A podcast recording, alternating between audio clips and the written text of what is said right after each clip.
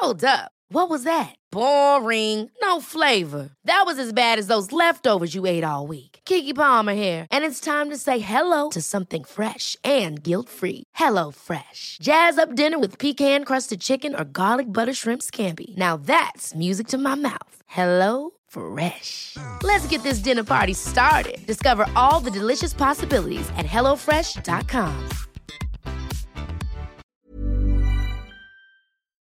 Nu rullar min. Min rullar också. Yes. Åh, okej. Åh, vad sträcka på mig.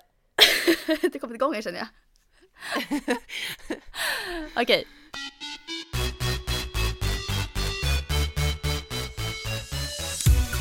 Hej och välkomna till podden Viss och Svärm on the run med mig Josefin Svärm och Sara Viss. Ehm, nu har vi som vanligt då Sara inte hört på en vecka. Vi poddar ju alltid på fredagar. Hur är läget? Ja men det är bra nu. Jag har faktiskt haft en sjuk vecka. Åh nej! Så jag, jag låter lite krasslig fortfarande. Nu är min hesa Sara tillbaka. men eh, nej, men jag mår bättre igen. Den kom snabbt och den försvann ganska snabbt. Men, blev det ja, en förkylning? Det var, Alltså det var... ja, men halsont, eh, jättetäppt, snorig, hostig och barnen också. Och det började med, med barnen och så, så det har ju kommit från förskolan. Ah. Jag, jag har testat mig också och, jag, och det var negativt så det, det, det är det viktigaste nu. Alltså det Så här... ingen eh, corona. Nej, men alltså vi har haft förkylningar i två omgångar här hemma också. Och jag har tagit två coronatest under tiden Ah. också. Eh, sen typ två månader tillbaka. Så de här vanliga förkylningarna är ju på, tillbaka, har man ju märkt, hos barnen. Ja. Fy. Ja, men, och jag har ju haft flera gånger, det vill säga, är det pollen, alltså lite krasslig, så jag Mm. nästan har blivit så här irriterad på att jag bara kan det inte bara bryta ut ordentligt om jag är förkyld Ah. eller om jag är sjuk. Att det blir så konstigt när man är så här, man har inte ont i halsen, men man har just de här pollenkänningarna och samtidigt man kan ju inte avboka jobb för pollen. Nej, När man är, alltså, men samtidigt kan man ju inte vara 100% säker, nej. för man är lite hängig. Ah. så, alltså, Ja. så då har jag alltid varit så här, kan det, kan det inte bara liksom eskalera så att jag blir sjuk och sen frisk? Och så, Mm. så, men det fick jag ju nu då, för det var liksom, jag kände faktiskt på, det var tisdag morgon. Så jag hade sovit väldigt dåligt för att jag hade hört att Rasmus hostade mycket. Mm. Eh, så då hade jag sovit dåligt, och så, men så började jag så tidigt, så åkte jag till jobbet tidigt och så tänkte jag, nej men det är bara att jag nu är extra trött för att jag har inte sovit i natt. Mm. Men sen efter första kunden, så jag var liksom, men du vet jag kunde inte släppa det, jag bara, nej men är jag bara trött eller inte? Nej, så här, och så då så blev jag så nojig, så jag bara, vet du jag åker hem nu. Jag, jag vill inte vara kvar när jag går och tänker på det. Mm. Så jag åkte hem och det var bra för att sen så åkte jag hem och vila och när jag vaknade då hade jag ont i halsen. Ah. Och sen så eskalerade det ganska snabbt och så var det liksom tisdag och onsdag framförallt förmiddag. Så var jag väldigt, alltså väldigt förkyld. Mm. Och sen så var det som att det bara, sen mitt i allt var Rasmus frisk igen kändes det som. Att det, det var som att han var sjuk i två dagar och så var det bra. Och sen igår började jag också känna mig bättre och idag så är det, nu låter jag värre än vad jag är. Ah. Men gud vad skönt, för ibland kan ju förkylning Ja. i typ i två, tre veckor liksom. Alltså, Ah, ja vad skönt om det kan vända snabbt nu. Ja nej, men det kändes som att det var en snabb och Mm. Elias också mår bättre. Men det känns som att vi har, så vi har varit hemma, alltså hela veckan har vi varit hemma allihopa och det har regnat ute och vi har varit krassliga. Så det är nästan så här man bara, ja yes vi ska podda, yes, jag går iväg en timme. Alltså fy, men på tal om vädret, vad, vad hände den här veckan? Ja. Nej. Vassregn och alltså så jäkla... Och jag sprang, jag sprang och coachade i Sprintcrowd-appen i onsdags och bara det öste ner regn, det blåste. Jag sprang och skylde mig så här under olika broar och träd för mobilen var dyngsur. och bara nej vad är det här? Och jag läste det att du hade varit ute och igen, jag får ju de här bilderna när du springer liksom och skriker högt på engelska och de bara okej. Ja men Sara, alltså, det är så jäkla kul. Alltså det är så pinsamt. Alltså folk tittar på mig som att jag är dum i huvudet alltså, när jag springer runt. Det är verkligen, du vet när jag började, som du och jag gjorde i podden i det här spring snackade, så bara go go go! Så här one minute left och skriker på engelska så här som en, ja, ja du fattar, det är, folk tycker att det är knäppt. Vilka dagar? Är det onsdagar du kör? Ja, onsdagar klockan Ja. fem är det. Och, Jag måste haka på ja men jag testar för att se. Alltså, för att få ta del av det här på riktigt. Ja, du får testa dem då, eller hur? Gör det. Ja, det vore superkul. Jag måste göra det. Ja. Hur mår du annars? Har du tränat på bra och så? Eh, jag skulle säga att jag mår ganska bra. Eller alltså jag, jag är inte sjuk, men jag har känt mig otroligt hängig. Ehm, Mm. det var liksom länge sedan som jag kände mig pigg. Det var jättelänge sedan nu, typ så en månad sedan kanske. Och jag har också varit så här, som igår skulle jag sprungit, men kände att nej, jag, tänk om jag håller på att bli sjuk, för jag, jag var så himla trött. Och tänkte, jag kommer få ont i halsen i natt, men det vart ingenting. Så jag, jag, jag är inte sjuk, jag är bara trött. Ehm, Mm. så jag har inte haft en så här jättebra liksom, träningsvecka än så länge. Mm, jag har kört på med lite distanslöpning. Eh, I tisdags fick jag till ett 6 gånger 5 minuter tröskelpass. Och det kändes ju faktiskt väldigt bra. Jag var jättetrött innan jag gick ut men eh, vart jättepigg, alltså under tiden och efter. Så att eh, Alltså löpningen för mig kan ju vara så här, ibland så dränerar den mig ännu mer, att jag blir ännu tröttare av den. Men eh, i vissa lägen så är det precis tvärtom, att det är precis det jag behöver för att bli pigg igen. Och så var det verkligen i tisdags. Ehm, jag fick tillbaka energin och även onsdagen där när jag coachade Sprint Crowd-appen så var det med så här. Jag låg och sov innan och bara jag orkar inte gå upp liksom. Tvingade mig själv upp, kom ut, kom igång du vet så här, coachade, skrattade, körde på. Hem i regnet och bara mådde så jäkla bra efteråt. Ehm, Gud vad härligt. Ja, så ibland är löpningen verkligen som medicin på något sätt. Eh, det stämmer så bra ibland och så var det verkligen nu i veckan. Vi får se. Jag planerar kanske att springa ett, eh, ett pass nu efter vi har poddat kanske. Eh, få lagen lite backar. Fast lugnt tempo. Är planen. Och ett långpass i helgen är också planen. Om jag känner mig pigg här nu. Framöver. Mm. Gud jag ska försöka röra på mig också idag, alltså lätt träning idag. För att nu blev det så här, att jag var sjuk i veckan. Förra veckan, då berättade jag ju att jag hade haft ont i knä, så jag ju vila. Ja. Så nu har det ju gått liksom Mm. typ två veckor där jag har gjort något Jag hann med ett, i söndags tränade liksom ett par, alltså förra söndagen då. Ah. Eh, men det är typ så lite träning så att nu börjar det, den där känslan vi har pratat om att man bara, men gud jag är en person som inte tränar. ja, jag förstår precis. Och att jag börjar ha liksom ont i kroppen, du vet nu börjar jag känna mer i knäna igen Ja. och i höfterna Mm. och jag bara nu kommer det ju inte Mm. av att jag har tränat, Nej. det kommer ju inte av sprinten nu. Nej. Så jag bara det här kommer ju av att jag har suttit mycket mera, jag har legat, alltså jag har ju inte varit knappt utanför dörren på några dagar och Mm. eh, har jag gått så har jag gått en, du vet en lugn promenad, alltså knappt, knappt jag skulle kalla det promenad, det har nästan varit så här också att jag när jag åkte och tog ett eh, eh, källtest, så Mm. vet, jag åkte, tog båten och liksom den här transportgången. Mm. Men ah, när jag känner det i kroppen direkt att den liksom inte mår bra av att inte röra på sig. Alltså det där, jag har tänkt på de sista månaderna väldigt mycket.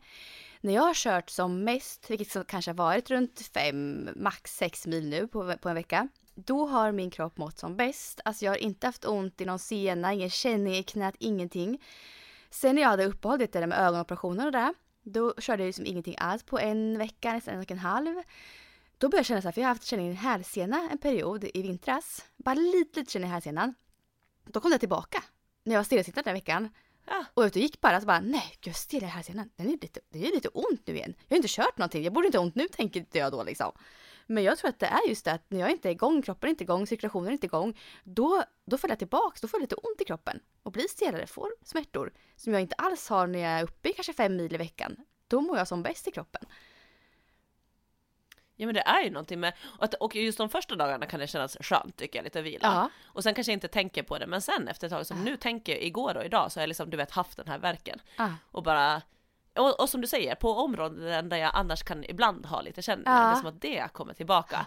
Så att det känns, det känns som att det är så tydligt att kroppen mår bra av att belastas. Ja. För att just att annars, eller jag vet inte, nu, ja, för nu känner jag bara min Jo, kropp men känns alltså verkligen. skruttig. Ja, men jag tror att det ligger så mycket i det. Och det är det här som är lite svårt när man är skadad. Ja, men det är som min sambo har haft en hälseneskada ett tag nu, ganska många månader. Och vilat jättemycket och det har liksom inte blivit bättre. Alltså blev inte bättre först. Nej.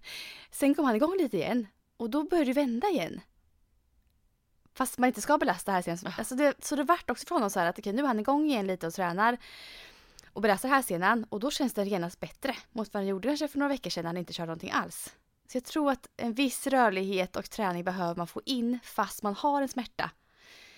Bara den här gränsen, vad Ja. blir för mycket? Känna in det är ju viktigt, vilket är svårt, supersvårt om man är skadad. Men jag tror ju på viss rörelse för att komma tillbaka snabbare ändå. Så det, Ja men absolut. ja men jag kände igen när du sa det nu så kände jag igen det att jag har tänkt på det mycket med min kropp att jag har haft smärtor som har känts mer när jag inte har varit aktiv. En väldigt rolig sak som hände i veckan. Det var ju att Meraf Bata och Sara Lati kvala till OS på 10 000 meter. Ja, alltså så kul. Alltså så jäkla Så värt. roligt. Så värt. Och vad de kämpar. Och att man blir så glad för deras skull alltså. Att de har kommit till OS. Och båda två slog ju det förra svenska rekordet. Ja precis, och det var väl Bata som hade det förra men nu sprang Ja. ju båda två under det och att de krossade faktiskt OS-gränsen. Det var inte så här att de tog det med en sekund eller två utan de var ju liksom, vad var det, f- 15 sekunder kanske ungefär? Ja. Om inte mer, Ja. det var mer tror jag. Så, men det var väldigt en så tydlig marginal som de tog eh, kvalgränsen med och det var ju jättehäftigt. Ja. Ja, helt fantastiskt. Det är så kul att se. Och kul att se lite de här sportbilderna och man såg Ja. framförallt Sara då som, var, som kom Ja. in efteråt men man såg liksom, det var som att hon, hon förstod ju liksom att hon, eh, att hon hade jättebra tid. Ja. Eh, hon hade ju koll på det. Så man såg ju liksom hur hon bara typ glädjetårarna kom direkt som hon passerade mållinjen. Och det var ju väldigt härligt att se de här sportögonblicken. Mm. Mm. Och jag tror att, jag tror att Spring Snyggt-podden var på plats där när loppet gick. Och de har nog pratat mycket kring, ja, alltså typ direkt så hade de någon slags eh, rapportering hur det gick liksom i loppet. Så den kanske man ska gå in och lyssna på. Tänkte jag nu i efterhand faktiskt göra. Eh, tips Ja. om en annan podd här, får man väl göra Sara? Mm, absolut. Jag tror att de var på plats och körde faktiskt sändningar. Så det ska jag faktiskt jag gå in och lyssna på. Det kan ni ju göra ni som känner för att ni vill höra det här. För det kan det vara ganska kul. Mm. En eh, annan sak som jag bara har snappat upp på sociala medier som kanske inte har med löpning att göra men som jag känner att vi bara måste lyfta för jag tror att alla har blivit berörda och jag tror att jag aldrig har sett någonting som har berört mer på sociala medier än eh, inläggen som jag pratar om nu och det är alltså båda systrarna Kjos. Alltså först Elin Kjos och sen Idas Kjos eh, inlägg och jag tror att ni har sett det men Elin Kjos, Elin har vi ju nämnt, eh, hon eh, fightas ju mot en obotlig lungcancer. Eh, och eh, hon eh, har ju en helt fantastisk inställning till det till livet, till sjukdomen, till hur hon hanterar den. Hon har varit väldigt tydlig med att hon accepterar diagnosen men inte prognosen, eh, vilket jag tycker att är ett, ett väldigt bra statement, eller så här, Mm. bra sätt att tänka och hon har ju redan bevisat, för de som inte har koll så är det liksom, hon har redan krossat sin statistik väldigt mycket. Hon har, ja, hon, hon är en, eh, en kvinna i sig kan man säga, eller, vad- eller vad säger du? Ja, alltså, nej, men alltså Elin, man blir ju... Svårt att hitta ord för vad man känner lite där. Alltså imponerad, man blir liksom inspirerad, eh, man blir på något vis är, jag blir glad av att se alltså hennes inställning. Hur man kan, och väldigt inspirerad, hur man kan vända en sån situation till att bara, hon har bestämt sig för att hon ska leva. Det är det som finns i Mm. hennes värld liksom, och hon delar, hon delar med sig av. Alltså wow, vilken inspiration till andra människor som är i olika tuffa situationer. Att hon har den inställningen i hennes situation, när hon har obotlig lungcancer. Det är ju liksom, eh, alltså det är så jävla mäktigt är det. Ehm, och man blir liksom så här, nu börjar jag typ tjuta också, men, men alltså jag blir väldigt så här, Mm. jag blir så otroligt liksom rörd. Alltså in i benmärgen. Jag blir så rörd av att se henne liksom. Eh, och jag blir så jäkla rörd också av att se hennes syster, tvillingsyster Ida. eh, eh, stå vid hennes sida liksom och eh, alltså de är helt magiska de här två. De är såna inspiratörer. Ja, ja, det är alltså nästan svårt att sätta ord på det. Och jag känner så här själv som har en tvillingsyster. Ehm, ehm, man, jag lever mig in i deras situation eh, ganska mycket när jag ser dem. Eh, och det gör mig liksom ännu mera, ehm, alltså ännu mer berörd tror jag. Ehm, de är så fina, Mm. magiska. Eh, de rakade av sig håret tillsammans. eh, Ja. ja. Ja, för det var ju det det här klippet, ifall att det är någon som har missat det, då ska man, eh, tycker jag, gå in och kolla på det. Eh, men jag tror att nästan alla sett det. Men det handlar ju alltså om att eh, Elin har ju fått många cellgifter, men som, men eh, som inte har gjort att hon har tappat håret, för att alla alla cellgifter gör inte att man tappar håret. Eh, och jag tror att det också var en del av att man inte heller har så tänkt eller förstått för hon har ju verkligen inte sett sjuk ut, man kanske ofta kopplar ihop Nej, cancer med eh, att man tappar håret Mm. med, av medicinen. Eh, men det, nu går ju hon in i den starkaste eh, cellgiftsbehandlingen eh, hittills, eh, eller det är den sista som man sätter in och eh, den är så pass stark så att här, hon, hon, här tappar man håret för att hon får andra, eh, andra mediciner så de sa att nu finns det ingen chans att det kommer att vara, Mm. vara kvar. Mm. Eh, och då som vanligt så, så vill ju hon ändå ha så mycket i, i, i alltså sitt eget val. Alltså hon, hon tar taget att raka av det istället för att det lossar av. Att hon känner att det är hellre skönt att hon har kontrollen på det. Men också liksom hur hon då liksom mentalt förbereder sig på att så här att hon är inte sitt hår, hon är inte sin kropp, Mm. att hon är fortfarande Elin. Mm. Och att jag tänker att det är så lätt att säga det som ett mantra och att liksom eh, tänka att man ska tänka så. Men det som, är, som, jag, som slår mig så starkt är liksom att det syns i he- i hennes ögon att hon känner så. Mm.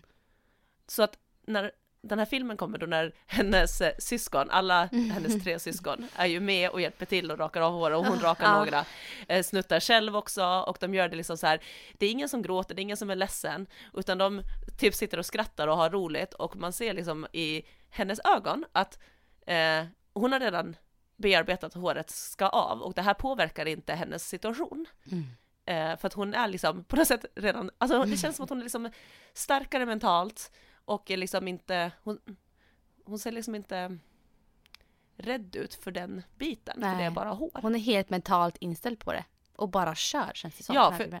För jag tänkte liksom så jag bara undrar hur många som nu, som jag också, som så här sitter och börjar gråta. Dels för att man blir rörd, men också för att Mm. det är en väldigt eh, jobbig situation här alltihopa. Mm. Men att då samtidigt på filmen så sitter hon och ler och skrattar. Ja. Och det är, sån, det är så Mm. konstig grej på något sätt. Mm. Eh, men helt fantastiskt. Ehm, och ja men precis, hon hade ju liksom en ritual innan bara, med, som, för att säga hejdå till sitt hår och sen, så, så, sen så är hon liksom redo. Ah, Och sen så kommer det ju då dagen efter, ah. så lägger ju Ida ut ett inlägg där det står typ, eh, där hon går, går jag. Och så har de båda två Ja, rakat av sig håret. och just det där där hon går, går jag. Alltså den, det, det fastnade hos mig när hon skrev det på inlägget väldigt mycket. Ja, Ah, Och då, där började jag faktiskt, alltså, jag, alltså jag började skratta. Och det var faktiskt så här, jag, och det var så skönt att jag inte grät utan jag skrattade för att jag bara så här, jag, jag skrattade och tänkte bara, jag visste det.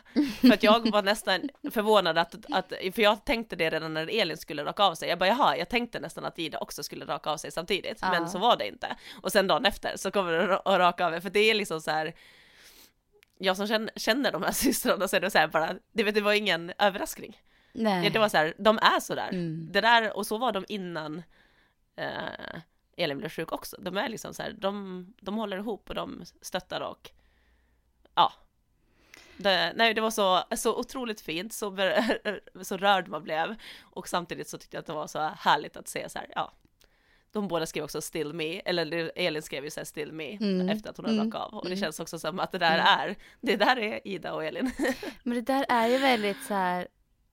Ja det är så jäkla fint också. Och sen det här att Elin sprider budskapet liksom att man är inte sitt hår. Alltså man är inte sitt utseende, man är, man är ju det man är inombords. Alltså att den, Mm. att det här budskapet också kom fram så otroligt äkta i det här eh, är ju jätte, alltså jätteviktigt budskap att nå ut med. Mm. Så hon, alltså det jag känner med Elin liksom, det är att hon så här, i sin situation så gör ju hon sån otrolig skillnad för andra människor. Alltså hon blir betydelsefull i det. Hur hon hanterar allting, alltså vad hon når ut med. Och ja, de som syskon, eh, den kärleken och de andra syskonen också så- såklart, men som, som familj, Ja, hela, som familj, hela familjen den här stöttningen de Mm. har för varandra, det är så jätteotroligt fint att se och precis så vill man ju själv ha det som familj. Så det är också en inspiration att se. verkligen. Ehm, De inspirerar och berör på så många Ah, plan på så och på så många många plan. sätt och det är liksom, eh, ja, nej. Ja, jag vet inte, men det, man har typ inte ord för dem för de är så, Nej, jag tycker de är så fina och Ja. så starka Och och, du- så modiga och så alla. Ja, och du som känner dem också. Du känner ju Elin, båda två kanske ganska, eller känner Ida väl också? Ja, jag känner båda. Ja, väldigt väl.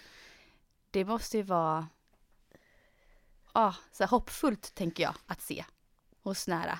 Att man Ja. kan hantera en situation som de gör.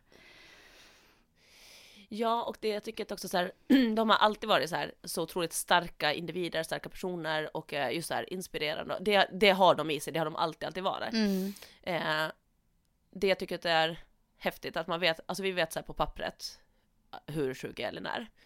Men när man träffar henne så är det som att, alltså jag skulle, för, jag skulle vilja förklara henne så här att jag har aldrig sett henne gladare, mer livsglädje, så mycket kärlek och jag har aldrig sett henne starkare. Och då menar jag också mentalt. Mm. Jag har typ aldrig sett en så stark person nästan någonsin. Eh, som hon har, för att hon har jobbat. Hon har jobbat extremt mycket med mental inställning och med allt så här. Och att, och hon ser ju som sagt inte heller sjuk ut, alltså för att hon är fortfarande så himla stark och så, eh, så hälsosam. Och som många läkare säger till henne också, att hon är ju friskare än eh, de allra, allra flesta man möter på gatan. Mm. Mm. Och det tar ju hon med sig, Mm. att hon är ju Mm. även om hon på pappret har en eh, jätte, jätte allvarlig sjukdom Mm. så är hon i sig själv och det där att hon har tillåtit sig att liksom så här, eh, känna vem, vem är jag idag och hur mår jag idag och det är det hon lever efter och inte efter vad som finns på ett papper. Eh, men det är det här som är så, jag, jag, jag förstår ändå inte riktigt, du vet hur hon klarar det för att det är så stort. Men hon klarar det, för att det är också en annan sak att liksom leva i förnekelse, vilket jag, alltså vilket hon inte gör, för att hon kan ju prata om det och hon tar hon får ju ut det ibland, som hon säger själv också, att ibland har, behöver hon ha dagar där hon får komma ut. Men sen tänker hon ju på hur hon mår och känner idag och hur, alltså hon, hon mår bra nu och hon gör allt utifrån det. Men det är så, för då när någon har frågat mig, så här, men gud hur, hur mår hon? Så här, men alltså, jag skulle ändå vilja säga att hon mår bra. Och hon, jag har aldrig sett henne så stark. Ah. Och det är coolt på något sätt. det är, ja, det är coolt är det. Och någonting som vi, alltså som alla borde leva efter mer. Tror jag Mm. också. Ja, väldigt berörande Och här- att se det här. Ja, jag tänkte bara säga, du vet, ta tips om andra poddar också, så här, vill man veta mer om eh, allt så här, hur hon har, fick veta om sin cancer och hur, hur hon har eh, handskats med det om man säger på väg, så finns det ett jättebra avsnitt med henne i Framgångspodden Mm, med Alexander Perleros. Där finns det ett väldigt bra eh, Mm. eh, podd, poddavsnitt som jag tycker att man kan lyssna på om man vill veta mer om henne och hennes resa. You'll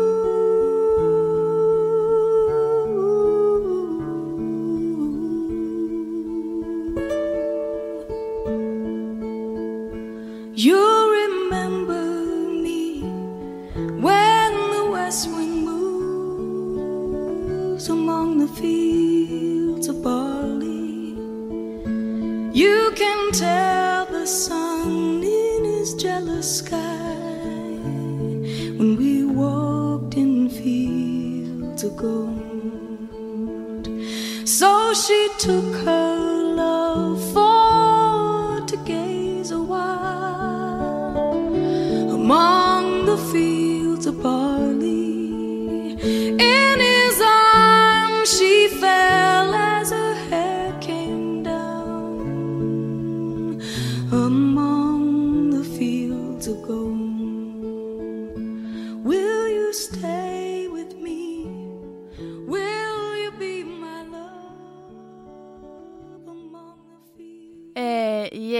Sara, om vi går vidare här i podden från någonting eh, egentligen inte sorgligt ska vi inte säga för att det är så här, det är livsglädje vi ser hos Elin och hos Ida och hennes nära och kära. Eh, så att jag hoppar vidare i alla fall här i podden eh, och kommer göra lite så här eh, reklam för mig själv kan jag börja med att säga. Eh, faktiskt. Go! Jag vill höra! Nu jäklar. Nej, nej men så här är det Sara. Ehm, jag håller på och jobbar, har jobbat väldigt mycket med eh, en uppstart av en digital löpklubb.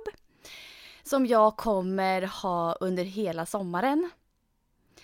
Eh, den kommer heta Let's Run. Och ehm, det här namnet Let's Run har jag haft så jag började coacha för många år sedan. Då hette min grupp det här i Motala. Så jag har fångat upp det namnet igen och kör, kör istället nu en digital löpklubb. Ehm, den kommer börja 7 juni fram till 29 augusti.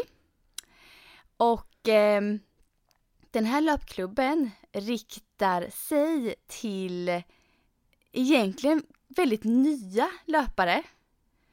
Och löpare som har kanske hållit på lite grann, inte hittat kontinuitet, men vill få in löpningen mer i livet och utvecklas. Så både nya löpare och de som har hållit på lite grann men som vill hitta en, rullning på det, få igång löpningen, tycka det är kul igen kanske eh, och utvecklas. Det som kommer ingå i den här klubben, det som kommer hända, det är att jag kommer ha tre stycken löppass i veckan. Så ni kommer få ett träningsprogram av mig med tre löppass i veckan och ett styrkepass i veckan. Och alla kommer få samma upplägg. Jag kommer lägga upp det på två olika nivåer, nivå 1 och nivå 2 får man välja. Men det kommer vara lika många pass på nivå 1 som nivå 2. Eh, sen är det såklart nivå 2 lite tuffare pass än nivå 1. Det är det som kommer skilja. Men just att ha tre löppass i veckan tycker jag är ganska bra, alltså även fast man är ny, för att få in kontinuiteten. Men i de passen så lägger vi mycket på mixa mellan gång och jogg. Så att de blir inte så ansträngande. Sen så kommer jag också ha ett livepass i Sprintcrowd-appen med allihopa. Så vi kör en gång i veckan tillsammans. Och då plockar jag ut ett pass ifrån de här från träningsprogrammet och väljer som vi kör tillsammans. Så det kommer vara ganska kul Ah, grej att man ses ihop då en gång i veckan på riktigt. Ehm, så det kommer bli superkul. Och det här styrkepasset som jag kommer lägga upp varje vecka. Det kommer jag visa videoformat eh, på ett Instagramkonto som jag skapar för den här klubben. Ett privat konto, bara för dem.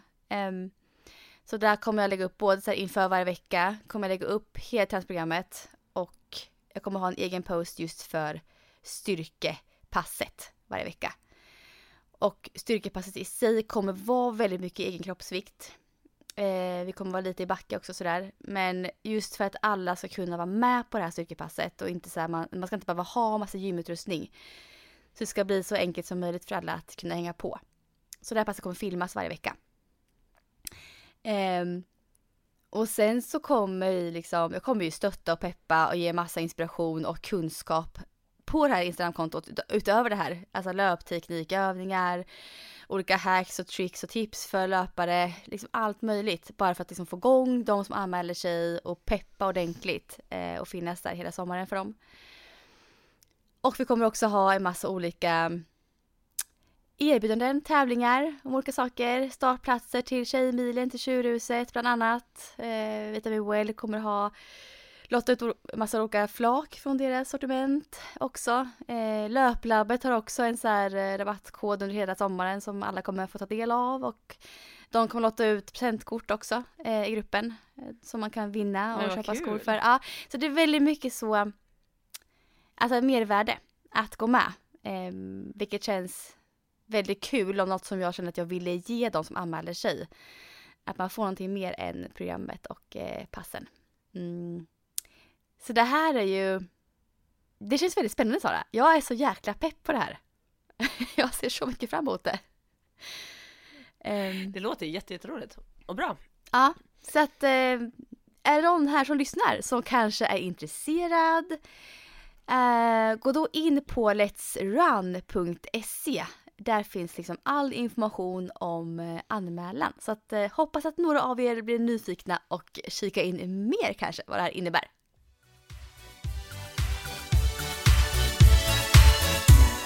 Jag, jag, tänkte, jag kom in lite på, för jag, jag tänkte det där är ju så, så ett bra sätt just om man vill liksom så här öka, alltså antingen just bara komma igång och börja springa som du sa, Ja. alltså mer mot den gruppen, men också om man kanske vill öka sin eh, prestation Mm. eh, lite grann. Och eh, jag, jag, nu när jag inte har tränat så har jag ändå suttit och tänkt ganska mycket på just det här, i och med att jag är ju prestationsdriven i min träning. Jag tycker ju att det är jätteroligt att försöka bli bättre. Mm.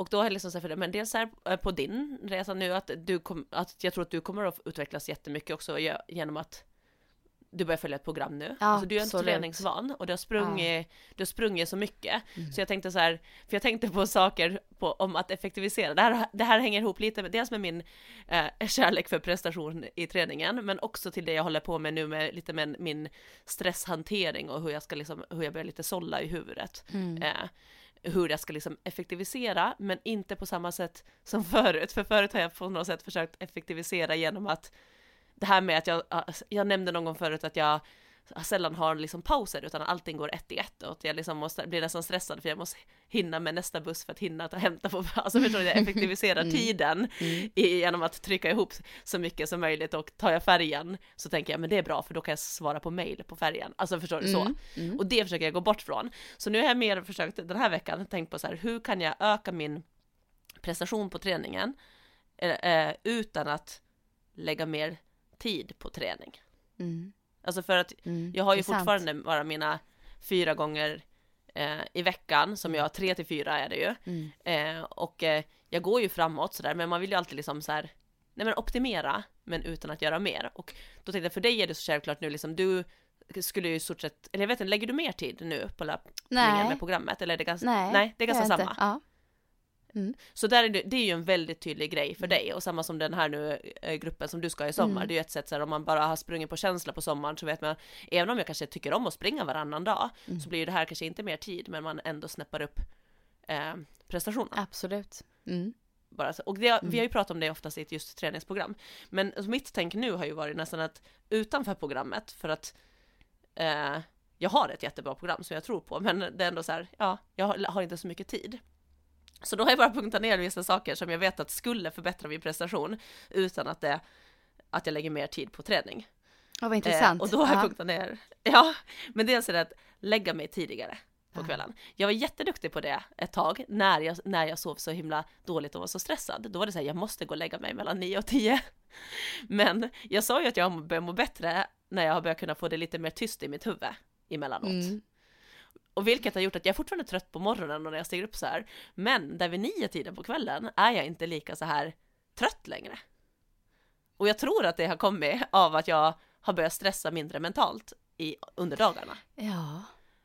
Så då när klockan är nio, då kan jag nu börja få för mig att ja men det hade väl varit mysigt att kolla på en serie eller någonting och sånt har jag inte gjort förut men nu har jag börjat göra det. Så nu har jag istället börjat gå och lägga mig allt för sent för att jag inte känner mig lika trött. Äh. Så med det så att gå tillbaka till det där att lägga mig tidigare, det hade ju ändå hjälpt min eh, träning. Eh, planera mina måltider bättre, för det är också så här, det tar inte längre tid. Jag lagar ju ändå mat och gör så här och behöver äta mina mellanmål, men jag är lite, jag kommer ur lite det där också att jag, jag glömmer av mig ibland. Alltså så här, Mm. oj, jag har inte ätit, jag har missat en mellanmål eller jag har glömt det, alltså så. Mm. Och det är liksom också någonting som är lite inte likt mig de senaste åren utan men det har kommit någonting under barn, barnåren tror jag. Mm. Kan vara så faktiskt. Ja, Mm. men det är också en sak som det, gör, det, tar, det tar ju inte mer tid av min, eller till min träning på så sätt. Eh, den här är en sak som jag har satt till, det gör jag ganska ofta ändå, men att fortsätta med, med att yoga, stretcha framför tvn. Så typ om jag ser på en serie eller någonting så försöker jag ta kanske första kvarten Mm. att stretcha lite samtidigt, eller rulla lite foamroll eller någonting så att jag får in den och på så sätt också förbättra min återhämtning. Mm. Eh, en annan punkt som satt, det är, det är en ny punkt för mig, för den har kommit med mitt det här stresshanteringen. Och det är att när jag tränar, vara ännu mer närvarande och fokuserad.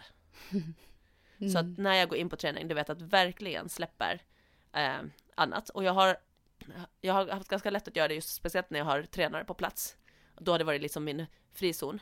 Eh, men att en sak som jag kom på var att, liksom att när jag började jobba igen och träna igen så kändes det som att jag behöv, kände mer det här också att jag måste uppdatera mina sociala medier och att jag ska bjuda med mig av min träning. Mm. Vilket har gjort att jag ibland har känt så här att under träningen har jag känt så här, oh jag borde fota något eller filma någonting. Mm. Och nu har jag landat i att så här, nej det gör jag inte. För att det här är min träning och jag mår så bra att, att få vara bara i den. Och jag kommer prestera bättre. Så sen i så fall kan jag försöka så här, har jag tid efteråt att så här, ja vi är klara men jag behöver inte gå förrän om 20 minuter. Då kan jag lite stagea ta en film, alltså ta en Ja. film eller en bild från träningen. Men att bara släppa tanken att jag, ja, det skulle vara kul att få något, eh, någonting till Instagram när jag tränar. Eh, och, så det är en grej som jag liksom sagt till att så här, nej, närvarande och fokus när, när jag tränar. Den, Eh, eh, Sen kommer jag såklart att ibland gå ur det om, det, om, om det känns som ett sånt läge att vi skrattar lite så här och någon kanske filmar någonting eller så här. Mm. Så det är inte så att jag är stenhård på den, men jag ska sluta tänka att jag ska äh, få något material. Mm. Utan i så, fall, i så fall blir det för att det blir en naturlig stund, liksom, att vi tycker att det är roligt. den, men den punkten tror jag är väldigt viktig för att utvecklas. Alltså verkligen. Mm. Och även så här, ja, dels den grejen att man ska avbryta sig själv genom att fota grejer. Det, det, ja, man tappar ju en del träningen där direkt, liksom fokus. Sen tänker jag också på, vi snackade om så här, träning med barn för ett tag sedan. Och då sa vi så här, att man, när man tränar med barn så ska man ju släppa, då ska man inte tänka det som att det är sitt pass kanske i veckan. Alltså det, det kanske mer är Nej. barnens tid att, att röra sig och inte sin egen träning som är viktig då. För då blir det med så här fokus på, halvfokus på träningen, halvfokus på barnen blir väldigt svårt. Mm. Sen kanske i och för sig det är det, Ja. man kanske inte kommer iväg själv annars, då får det vara vad det blir. Alltså då, men då kanske det inte handlar Ja. om att utvecklas så mycket längre, utan då kanske det handlar om att hålla, bibehålla träningen i alla fall, hålla igång. Men det är svårt tror jag att Exakt. utvecklas, Och det är det som, ja då. det är det vi skiljer, nu pratar jag ju om prestation. Ja, så att, det, precis. alltså, så att jag menar det här, det här tänker behöver ju inte alls stämma in på alla, Nej. Mm. eller på andra. Men för mig, med att jag vill bli bättre, men sen, och sen framförallt också, och det behöver inte vara, nu tog jag som exempel då sociala medier, Ja. jag filmar oftast, ska jag säga, när jag gymmar. Men det är också för att jag kollar, jag brukar filma mina typ knäböj. Mm. Eh, och då gör jag det inte för att, med tanke på att jag ska lägga ut det, utan då gör jag det för att jag, jag brukar ha så här två minuters sättvila. Ja. Och då brukar jag titta på filmen och kolla på djupet, kolla på tyngdpunkten, kolla på mina vinklar, alltså så att det ser ut så som det känns, Mm. brukar jag vilja checka av. Eh, och sen kan jag ibland använda de filmerna ändå, att lägga upp på. Ja. Men då, då, är Mm. inte mitt, då är inte mitt huvud på att jag skapar det för någonting annat, utan då är det för mig själv. Mm. Så att det är nog olika sätt, så, så att jag menar, så jag använder telefonen ofta och jag filmar ofta när jag tränar i gymmet i alla fall. Ja. Eh, inte lika mycket på friidrotten, för där har jag ju min tränare som tittar på mig och ger den feedbacken på friidrottspassen. Mm. Då behöver inte jag titta på min teknik så mycket, för att han säger om det är någonting jag behöver Mm. tänka på. Men det kan ju också vara andra saker. Det kan vara typ att man tänker på att man ska, vad man ska handla efter träningen. Eller Ja. vad man ska göra ikväll. Eller vilken mail man behöver svara på. Eller vilka, alltså, det, jag menar, det behöver inte vara, handla om sociala medier. Mm. Men att gå in att liksom, att jag tror absolut att det hjälper ens prestation eh, att vara närvarande Mm. i sin träning. Absolut. Det här med att ta med sig, jag gör ofta att ta med mig jobbet när jag springer i huvudet alltså. Mm. Och det jag märker själv att det påverkar negativt. Ehm, Mm. Passet. Näst, ganska uppenbart faktiskt. Speciellt om du ska köra ett, eh, se, eh, i alla fall om du ska köra ett lite tuffare pass. Ja, alltså det går nästan inte. Jag måste nästan vara här och nu då för att det ska bli bra eh, på de passen. Mm. Så den punkten är ju, den är Ja, någonting man kan jobba med. jag Ja, ibland kan man känna sig stressad för någonting sådär, Mm. men då är det tillbaka till det som jag pratade om förr, med att jobba såhär, men vänta, det jag stressar över nu, är det Mm. någonting jag kan göra åt just nu? Precis. Nej, jag kommer, jag kommer ju ändå inte sätta mig ner och svara på mejlet mitt i träningen. Alltså kan jag ju faktiskt sätta det på stopp, den tanken. Jag har faktiskt tagit med mig det här från dig Sara. Eh, I men veckan. gud, Så, ja, men jag har tagit, sagt stopp och så framtid. Jag har plockat ut den här tanken till framtiden. Ah. Ja. Ja, det Mailen. funkar. Ja, det har funkat. Så här mejltankar, ja, jag ska Men mejla den och den mejlen, just nu ska jag mejla henne också. Så bara, nej, stopp, framtid. Mm. så är det kört. Ja. Ja, för det är inte så att du glömmer det sen ändå, det Nej. kommer finnas där. Ja. Eller så får man skriva ner bara om det exakt. skulle vara så. Men jag har haft nästan lättare att komma ihåg saker och glömt mindre saker när jag sagt stopp. Och sen är jag så här, bara, just det, nu har jag tid att sända mig mail. Vilka saker Mm. Ja var men det? för då satte du Och då är det stopp som att och, det- ja men då var det markering på att det var någonting. Och det minns du ju sen. Ja, Alltså. Ja. sen kan jag säga, sen är det så här, vissa dagar är det svårare att göra så, för att då känner man att huv- huvudet snurrar hela tiden. ja. Men det, ofta har det funkat. Mm. Och liksom att ta kommandot på det. Ja men vad kul, vad glad jag blev att jag, liksom, att Ja, jag har ja. testat det. ja, verkligen. Eh, och sen sista punkten har jag satt liksom så här pausgympa, typ när man jobbar hemifrån. Man, oftast tänker man ändå att jag ska ta någon form av så här, "Åh, jag behöver röra på mig i alla fall var, varje timme eller någonting, alltså ställa mig upp och sträcka på mig någonting. Mm. Och då tänker jag den lilla pausgympan som jag också behöver vissa dagar, där kan man ju också sätta in de här, alltså specifikt fokus på det. Så till exempel, eh, så som jag har förut gjort, förut gjorde jag ju pausgympan alltid min axelrehab när jag höll på med den. Eh, Medan nu kan jag ju också då liksom eh, sätta in pausgympa i form av att eh, eh, någon övning som hjälper mig att tänka på min, min bål och säte. Eller pausgympa i form av att till exempel stretcha mina höftböjare som jag kan känna mig lite stel i. Eller alltså förstår du någonting som i löpning, kanske ja, men lite tåhäv för att man vet att jag behöver stärka upp. Eller några hopprep för att få in lite plyo. Alltså att man kan ju sätta in lite specifik pausgympa eh, under dagen när man ändå behöver röra på sig. Absolut. Så att man inte bara tänker att jag ställer mig och bara sträcker på mig upp. Det kan ju också vara skönt, men om man ändå vill få in mera specifikt utan att öka träningstid så kan man ju absolut äh, sätta in lite sånt, tänker jag. Ja, absolut. Så det var, så det var bara mina Ja, alltså- icke-tränande tips. Ja men alltså det är ju liksom att utvecklas i sin träning handlar inte bara om träningen i sig. Så är det ju. Nej, Det är andra delar i livet som behöver liksom falla på plats och, och, och bli bra liksom för att man ska utvecklas. Och kan man då göra de här bitarna som inte är jätteansträngande utöver sin träning. Då kan det bli väldigt bra. Så man, man men borde ju, men med kosten med så här, så här, tänka på att få i sig mellanmålen som man glömmer ibland. Men allt det här kan göra jätteeffekt på träningen på sikt. Om man faktiskt eh, sköter det bra. ja. Ja, och det är någonting man lagar ju ändå mat och man Ja. äter ju. Ja. Men, alltså, ja, men, men ändå är det svårt ibland, för det är ändå lätt att så här, menar, vi har ju fastnat i att vi gör samma m- maträtter typ hela tiden för att det är enkelt så. Mm. Men jag tänker att skulle vi bara byta ut vissa saker, eh, ibland, nu, nu äter vi ganska bra mat överlag, men jag tänker om man skulle äta, ja, ni fattar vad jag menar. Mm. Det, I början kommer det vara för man behöver ändra sin inköpslista och sina rutiner och sådant, men sen efter ett tag så borde ju den nya maten ändå sitta lika, enkelt, enkelt. Ja. som den andra. Ja, Det är bara den där, det är ju bytet som är jobbigt, förändringen ja, i sig. exakt. Men sen när man har fått in det, att sen, men nu är det här på vår standardköplista, att vi liksom gör det och liksom så här eh, hitta någon inspiration från något nytt eh, recept som känns nej men så här, som känns bra inför träning. Mm. Och så, ja. Jag tänker man, man, man ska ju ändå äta och man ska ändå laga mat så man kan lite Ja. Eh, men typ som, för jag, eh, ibland har det blivit så här att jag bara går och småäter lite istället för att ta ett riktigt mellanmål. Och det är en sån här klassisk, det tar ju antagligen mer tid och mer, alltså det är inte bra för tänderna eller någonting heller, att jag går och tar Nej. tre små knäckemackor med och sen tar jag en frukt och sånt där. Alltså istället för att Mm. bara så här sätta mig ner och ta ett ordentligt mellanmål. Mm. Och det här sitta ner och äta. Jag, menar, så jag typ stressar runt ganska ofta och bara så här, du säger, ta en knäckis, Mm. tog en knäckis med mig hit, hit, hit till podden liksom innan jag skulle podda så här, i panik så här, "Åh, jag hann inte äta frukost innan, ta en knäckemacka här poddar så äter frukosten. Ja men du vet den här, äh, det är så onödigt egentligen. För att, Ja, ja, alltså ja. jag börjar skratta nu, för jag, jag vet inte, jag tror inte att jag har sagt det, jag tror inte att jag har sagt det här på podden, jag har bara sagt det hemma. vadå? att jag märker nu eh, när, man, när man åker kommunalt nu, nu är det ju munskydd, förut var det ju bara på rusningstid, men nu är det ju att man ska ju alltid, alltid ha eh, munskydd Ja. när man reser kommunalt. Och nu inser jag hur mycket jag brukar äta på tunnelbanan.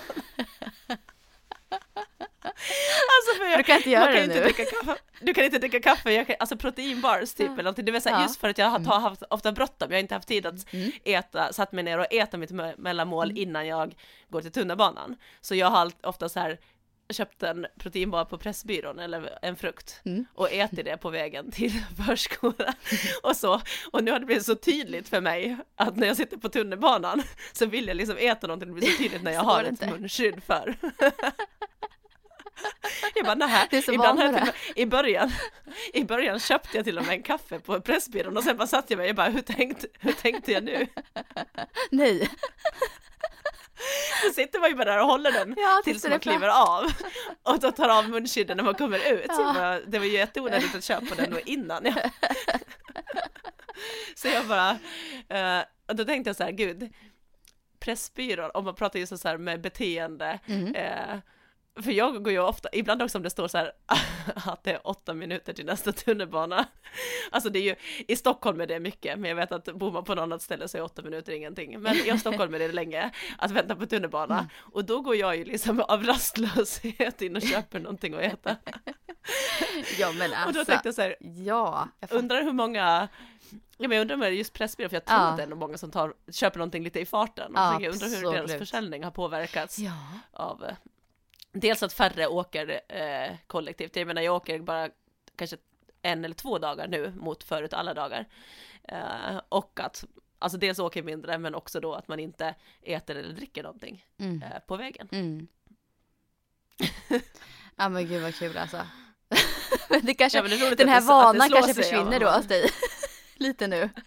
Ja, jag har sett sådana roliga klipp också på så Instagram när folk glömmer, glömmer att man har på dem där. Och du vet bara tar en tugga med gaffeln och bara trycker in och sen bara Bara, oh shit, så har de blivit så. Ja, det ser jätteroligt ut. Men jag förstår det, vet de sitter och typ scrollar samtidigt och sen bara börjar trycka något mot munnen. Vanebeteenden alltså. Det är intressant. Ja verkligen. Jag, jag känner mig träffad.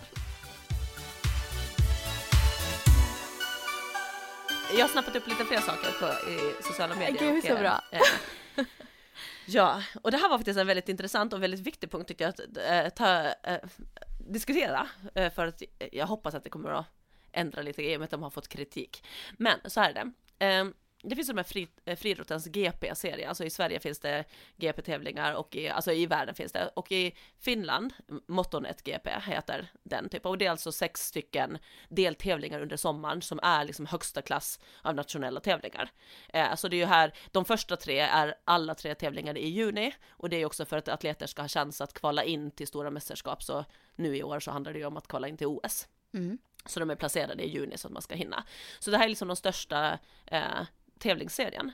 Eh, och eh, nytt för, eller eh, i de här GP-tävlingarna, i och med att det är stora tävlingar, så är det liksom att det finns alltid prispengar också. Så det är dels att atleterna jagar eh, kvaltider, men Mm. också prispengar. Och då är det kategoriserat som är A, B och C kategorier som styr hur mycket pengar som finns i prispengarna. Och A är då den som är högst och där är det liksom där i, i de grenarna så finns det atleter som är just på OS-nivå och de, så där är det också högre prispengar. Mm. Medan B och C-kategorierna, det är prispengar där också men inte lika mycket för att eh, det är kanske inte lika hög eh, nivå om man säger så på, på landet eller på, på, på deltagarna just nu.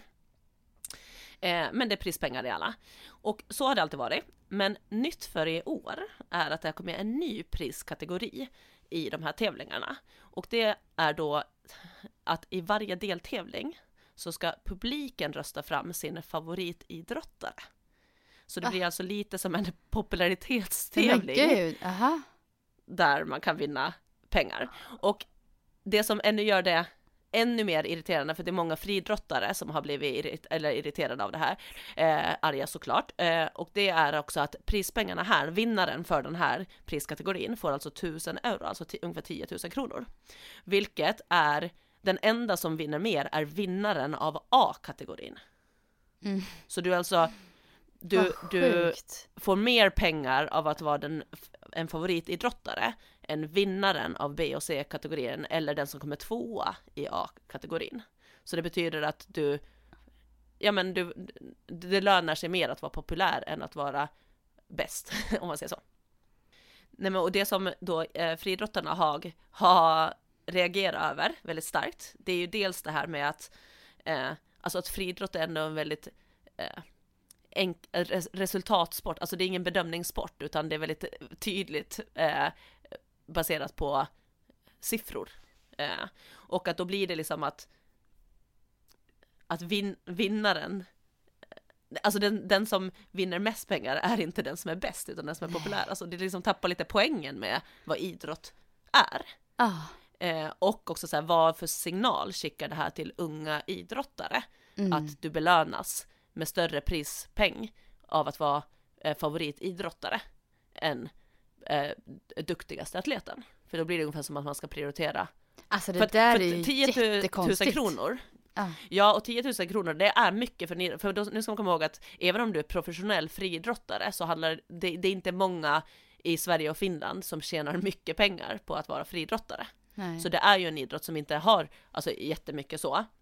Och att då att få 10 000 kronor till skillnad från att få 5 000 det gör ju också till exempel att du har råd med alltså, träningsläger utom, alltså kanske två träningsläger istället för ett träningsläger och det gynnar ju också din utveckling. Så det blir också som att, så då blir det ju att de som gör Mm, bäst resultat mm. får, får inte samma eh, pengar för att träna, alltså satsa på sin idrott som en som är populär. Eh, och ja, och då har man då pratat med Yle, alltså de som har sänder eh, de här tävlingarna och att deras är då att de vill varför de har gjort så här är för att de vill öka liksom aktiviteten i deras sändningar, alltså aktiviteten på deras sida och genom att då ha sådana omröstningar där pu- publiken och tittarna liksom ska Mm. rösta fram så är det ett sätt som möjliggör att trafiken, aktiviteten eh, ökar och att det är därför de har gjort så här. Mm. Men det man då har, som nu då, som då försökt kritisera och det är att, att de väljer att göra det på favoritidrottare. Man skulle ju kunna att man får rösta på bästa presta- dagens Ja. bästa prestation Ja. eller bragd eller Mm. nykomling eller kämpe eller så någonting så att man så att man ändå får en uppskattning för någonting man har presterat och inte för eh, att man är favorit för det är lite svårare att alltså, det är alltså så sätt. himla märkligt. När det handlar om den här nivån vi är på också liksom. Ja, och eh, jag håller ju verkligen, verkligen med om att det här är liksom inte ett bra sätt att öka sin trafik på. Eh, och jag håller med om att, eh, att signalen det skickar till unga Mm. inom idrotten, Mm. det är inte heller alls, alls bra. Sen kan jag förstå att de vill ha någonting, ett sätt, du vet, att för Alltså just det, jag förstår ju att de, det är ett jobb för dem också, de behöver öka trafik, men Mm. jag hoppas att de ändå ser över att just det, kan vi, kan vi göra det på ett annat sätt? Kan vi ha en annan form av röstning som kanske ändå baserar sig på prestation Ja, ändå? precis. Men det fick jag ändå in med tankarna på liksom hela allt det här ihop, för att idag så har ju många idrottare sociala medier och eh, det, det blir ju också ett sätt att dels bli populärare för att du har en egen kanal att synas mer och det är ju någonstans att ju mer ofta vi lär känna någon person så ju mer tycker man nästan om den för Mm. att man det känns som Mm. man känner den mera Mm. än någon man inte vet mer än namnet. Mm. Så att det är ju ett väldigt bra sätt för de som vill att jobba på sidan av och på så sätt skaffa sig en egen eh, inkomst. Eh, för att det är ju spons som du har, men att det här blir också lite mer mot det här samarbetet. Det är ju egentligen ett annat yrke ska jag säga. Att, Mm. Alltså influencer, jobbar med sociala medier och jag, jag tycker att, eller jag förstår att många idrottare väljer att göra det för att de tar ju kontrollen på ett annat sätt om, eh, Mm. Absolut, jag Eh, inkomsten. om inkomsten. Mm. Plus att jag tänker att det är också ett jobb som funkar ganska bra att göra samtidigt som du idrottar, för du kan bygga den på din idrott. Alltså Ja. det, de går ju på så sätt hand i hand. Absolut. Men det blir, Mm. pro- det blir problematiskt om du känner att du måste ha ett stort eh, Instagramkonto eller att du ens behöver synas utanför din idrott. Det blir, det, så ska inte en idrottare inte behöva känna. Den ska ju inte behöva Nej. ha sociala medier om den inte vill. Man ska ju få göra bara, bara sin idrott. Så att, ja, den, jag tänker hela den här idrott slash eh, sociala medier blir ju ganska intressant på så sätt. Väldigt, väldigt intressant. Och här känner man ju verkligen så här själv att både du och jag Sara jobbar ju med varumärken på våra Instagramkonton. Eh, Mm. Så på så vis så jobbar vi väldigt mycket som influencers. Eh, vi får pengar från företag, företag som också då sponsrar elitatleter på olika sätt. Mm. Och då känner jag mig själv så här lite så här att shit, är det här rätt då? Eh, jag får lite så här en, jag får en skuldkänsla lite grann i att, eller jag tror att många elitidrottare idag eh, stör sig lite på de influencers som inte är elit men som ändå får eh, stora pengar från samma företag som de får pengar från och kanske mer än dem eh, på olika plan. Och då känner jag så här, men gud jag jobbar med olika varumärken som, som andra också gör, gör som är elit. Eh, och jag kanske får mer pengar än vad många av dem får. Ehm, och samtidigt så är det här man måste ju skilja lite på vad det är, vad uppdraget är man gör. Alltså, jag tycker att elitidrottare ska ju få, de ska kunna leva sin idrott eh, i högsta möjliga mån. Eh, och sen det här influenceryrket, det handlar ju om att sprida ut varumärket eh, så att de säljer mer, så att de kan ge ännu mer pengar då, kanske tillbaka till idrotten eller vad det nu är. Det, så lite så här, ah, förstår min tanke lite, att man, Absolut. inte skuld, men ändå så förstår jag att elitidrottare reagerar, kanske, Mm. på just det. Ja, jag förstår absolut. Och jag, känner, jag har känt, upplevt samma känslor också ibland. Eh, jag tänkte framförallt när jag jobb, jobbade med, med Nike. Och då blev det också så här att jag som deras coach eh, fick ju mycket kläder och skor, alltså så här Mm. eh, hela tiden för jag behövde hela tiden uppdateras med det nya. Och då kom jag att jag tänkte på det liksom så här att det finns så många atleter som hade velat, villa och behövt Mm. få det här. Men det är där som du säger också, så här, jag, jag kan ju inte blanda ihop jobb och jobb, för det, det är ju, egentligen är det två helt olika grejer, men i och med att man kan kombinera dem Ja, så det blir det, det en, blir krångligt. en krånglig, men det gör ju alla, Mm. det skulle jag säga, musikartister, alltså artister och alltihopa, de kan ju också jobba med sin karriär och Mm. bra kombinera det med sociala medier för att det är, ett, det är ju någonting som har växt och gör att, att det är det folk tittar, så det har ju kommit en helt ny sätt för företag att marknadsföra sig Ja. och eh, sälja. Men sen hoppas jag att sponsorpengar och sånt inte har minskat på grund av det. Jag, jag hoppas, Nej men det det här jag vet tänker. jag inte. Ja. Ja, jag tänker liksom, eller tror och hoppas, det här, jag har ingen aning om hur det är, men att de pengarna som alltid funnits som spons finns kvar. Mm. Eh, Mm. Däremot så känns det lite, för att man har sett att många har börjat ge via, via samarbeten och det känner jag att spons, spons börjar ju också jobba mer som samarbeten. Förut var ju spons kanske bara att du hade en logga på din t-shirt Ja. och så gjorde du ingenting annat än så, men då fick du pengar som stöd för din satsning. Mm. Medan nu börjar ju spons också se ut lite mer som att ja men då vill vi gärna att du är med på det här eventet eller att du syns i det Mm. här, alltså att man får lite mer Just det. uppdrag och på så sätt kanske jobbar. Så det har ju börjat gå så också. Men det jag hoppas är att det liksom fortfarande finns samma eh, eh, sponssumma, kanske till och med att den har växt också. Mm. Eh, men att pengarna som kommer utöver det är Mm. ju jobb som man har skaffat själv på egna, på andra sätt och vilket då ska gynna en idrottare men inte ta någonting från en annan idrottare. Exakt. Och problemet här, som i den här, det är ju inte att Alltså det är jättebra att det kommer tusen euro till att delas ut. Mm. Men det är ju mer bara hur de väljer att dela ut det. Mm. Men det jag För annars är det ju alla bara fall- mer pengar in i sporten. Ja. Och jag tänkte det Ja. också med, och jag tror också att det finns en fördel med att det finns stora profiler på Instagram och sånt för det drar ju också mer publik till sporten Ja. när man börjar Ja, följa stora precis. profiler. Det, det skapar ett intresse för Ja. vad de gör och det gynnar ju på sikt alla. Mm. Och kanske då att stora varumärken kanske växer ännu mer då. Och när de växer ännu mer, tjänar mer pengar, varumärke, så kan de också ge mer också till elitaktiva också. Så att egentligen så kanske det gynnar till och med, eh, alltså dem. Ehm, jag som- tror och hoppas det. Jag tror- hoppas att, ja. Men, och jag tänker de stora är just det så här, Nike, Adidas, Reebok, alltså de kommer alltid vilja synas bland atleter Ja, och idrottare. Yes. Men däremot så tror jag att det faktiskt är så att influencers och stora profiler på nätet, de säljer mera. mm, Och någonstans är det ju det de företagen det är ju deras målsättning är ju omsättning och Mm. att de vill ju ha folk som kan sälja vidare och Mm. inspirera folk till att, alltså, eh, till andra saker än vad elitidrottaren inspirerar till. Den inspirerar ju på, något, på ett annat plan, alltså det, det, det är två olika sidor Jag och jag är- tror som du säger att Ja. det, det, de ökar och då kommer de att kunna ge mera till, men det här är också mitt alltså, önsketänk säger jag, jag kan ju inte Ja. säga att det är så men jag hoppas och tror det.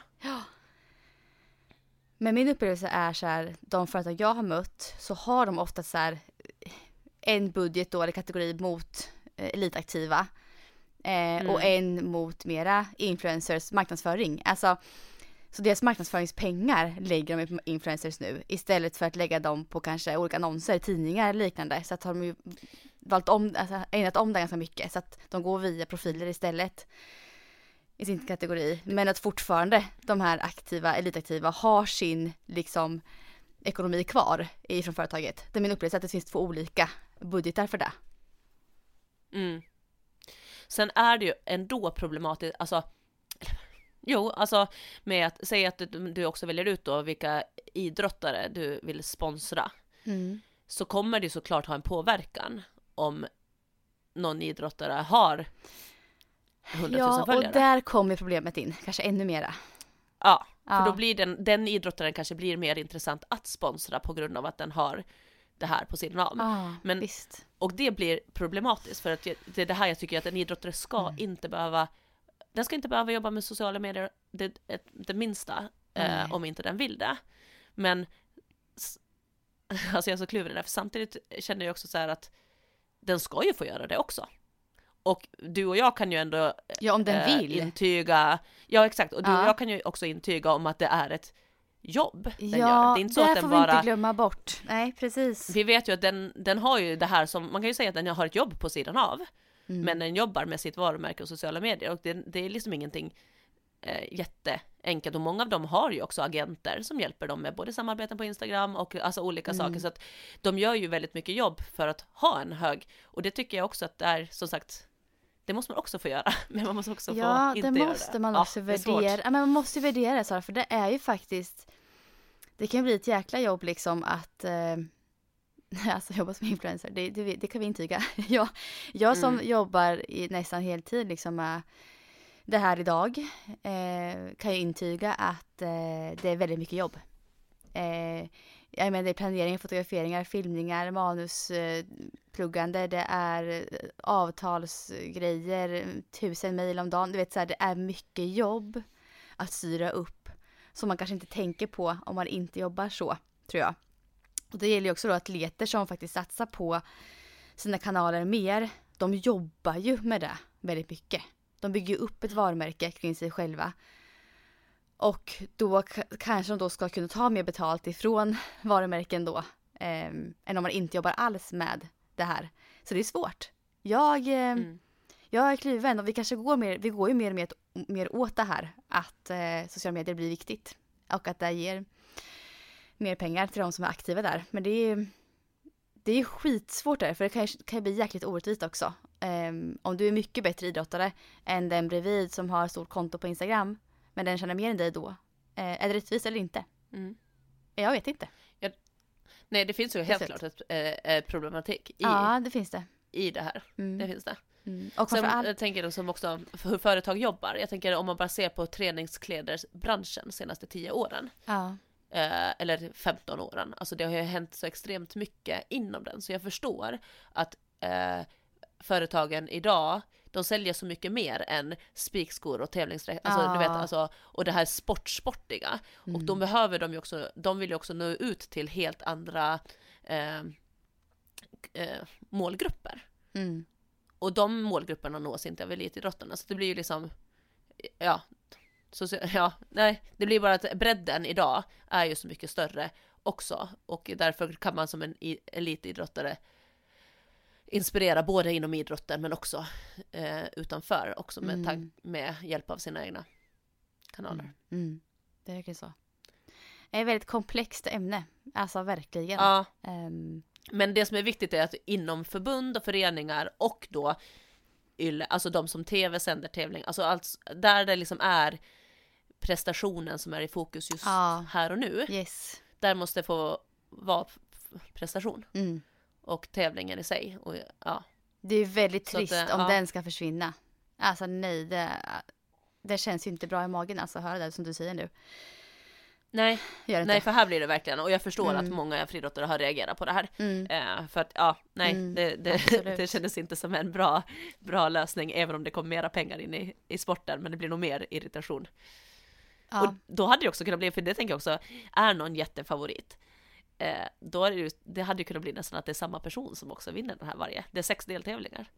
För det är svårt att ändra populariteten på Ah. sex olika tävlingar. Däremot en prestation kan ju ändra upp och ner. ja. Och någon som har slagit från underläge eller någon som har eh, gjort ett stort eh, eh, personrekord och klarat kvalgränsen som ingen hade räknat med. Alltså förstår du, det finns ju så mycket mer som kan hända på något sätt under en säsong när man kollar på pre- prestationer Mm. än, än popularitet. För det känns som att den, ja, det, det, det, det tar kanske lite längre tid att, att eh, ändra på den. Mm. Absolut. En nykomling har ju svårt att komma in där, en ung Ja. som inte har synts så mycket kanske. Ja. Och då blir det tufft istället att få tjäna pengar då. Mm. Ja, nej. Nej, väldigt intressant att du tog upp det här tycker jag. Eh, och viktig fråga att här fundera vidare på. Eh, känner jag också. Jag ska uppdatera för jag tror att de, jag tror och hoppas att de kommer göra en ändring inför Ja. de här tävlingarna. Eh, men ja, vi får se. Spännande.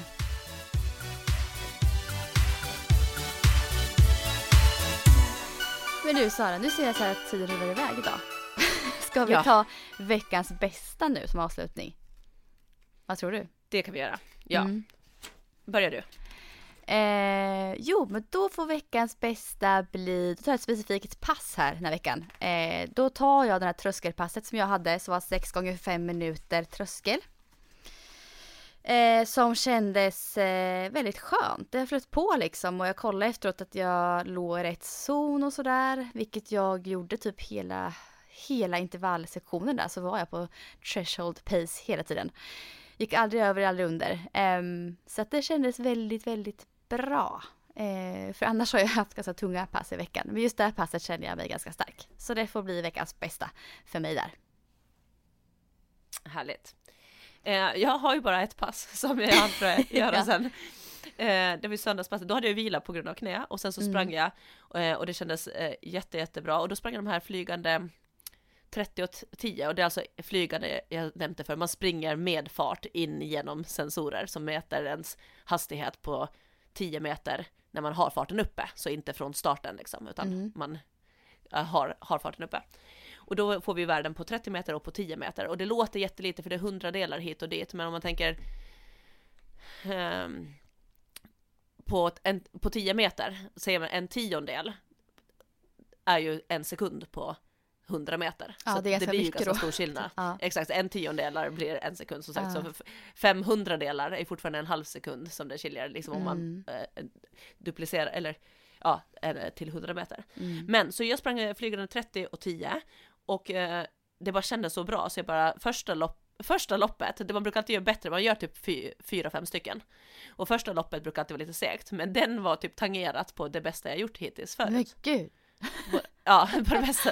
Ja. Och sen så då när jag sprang, så sen var det liksom det tredje loppet, då kapade jag alltså en tiondel på 30 meter, mer än en tiondel på Oj. 30 meter. Eh, vilket är ett jättestort eh, hopp. Eh, och då var det typ två eller tre hundradelar på, eh, på den där 10 metern då. Så jag blev så chockad, jag bara jag bara, nej men gud, funkar klockan? Alltså var det, var det rätt verkligen? För det var som, så, där, så den stort hopp har jag inte gjort hittills och att den liksom kom nu.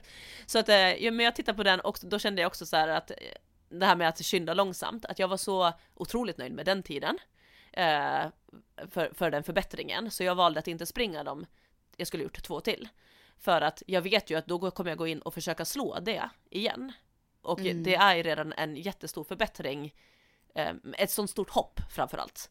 Så jag bara, jag behöver inte försöka bräcka det eh, en gång till nu. Så att jag tar av mig spikskorna och eh, joggade ner och var jättenöjd med det resultatet. Så veckans Ah. bästa är en förbättring på flygande 30 som, ja, som höjde min topphastighet väldigt mycket.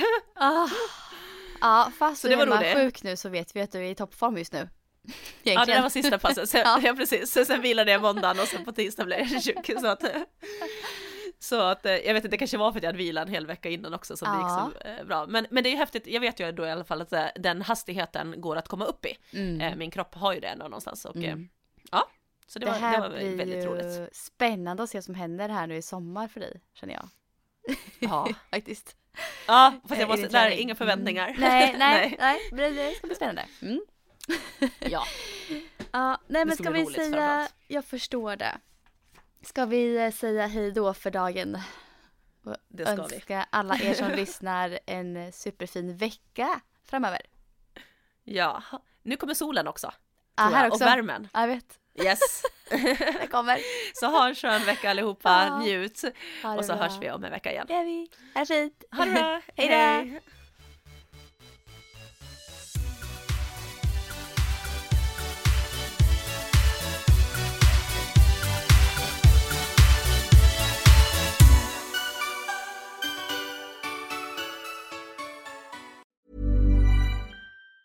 Planning for your next trip? Elevate your travel style with Quince. Quince has all the jet setting essentials you'll want for your next getaway, like European linen, premium luggage options, buttery soft Italian leather bags, and so much more. And it's all priced at 50 to 80% less than similar brands. Plus, Quince only works with factories that use safe and ethical manufacturing practices. Pack your bags with high-quality essentials you'll be wearing for vacations to come with Quince. Go to quince.com slash trip for free shipping and 365-day returns.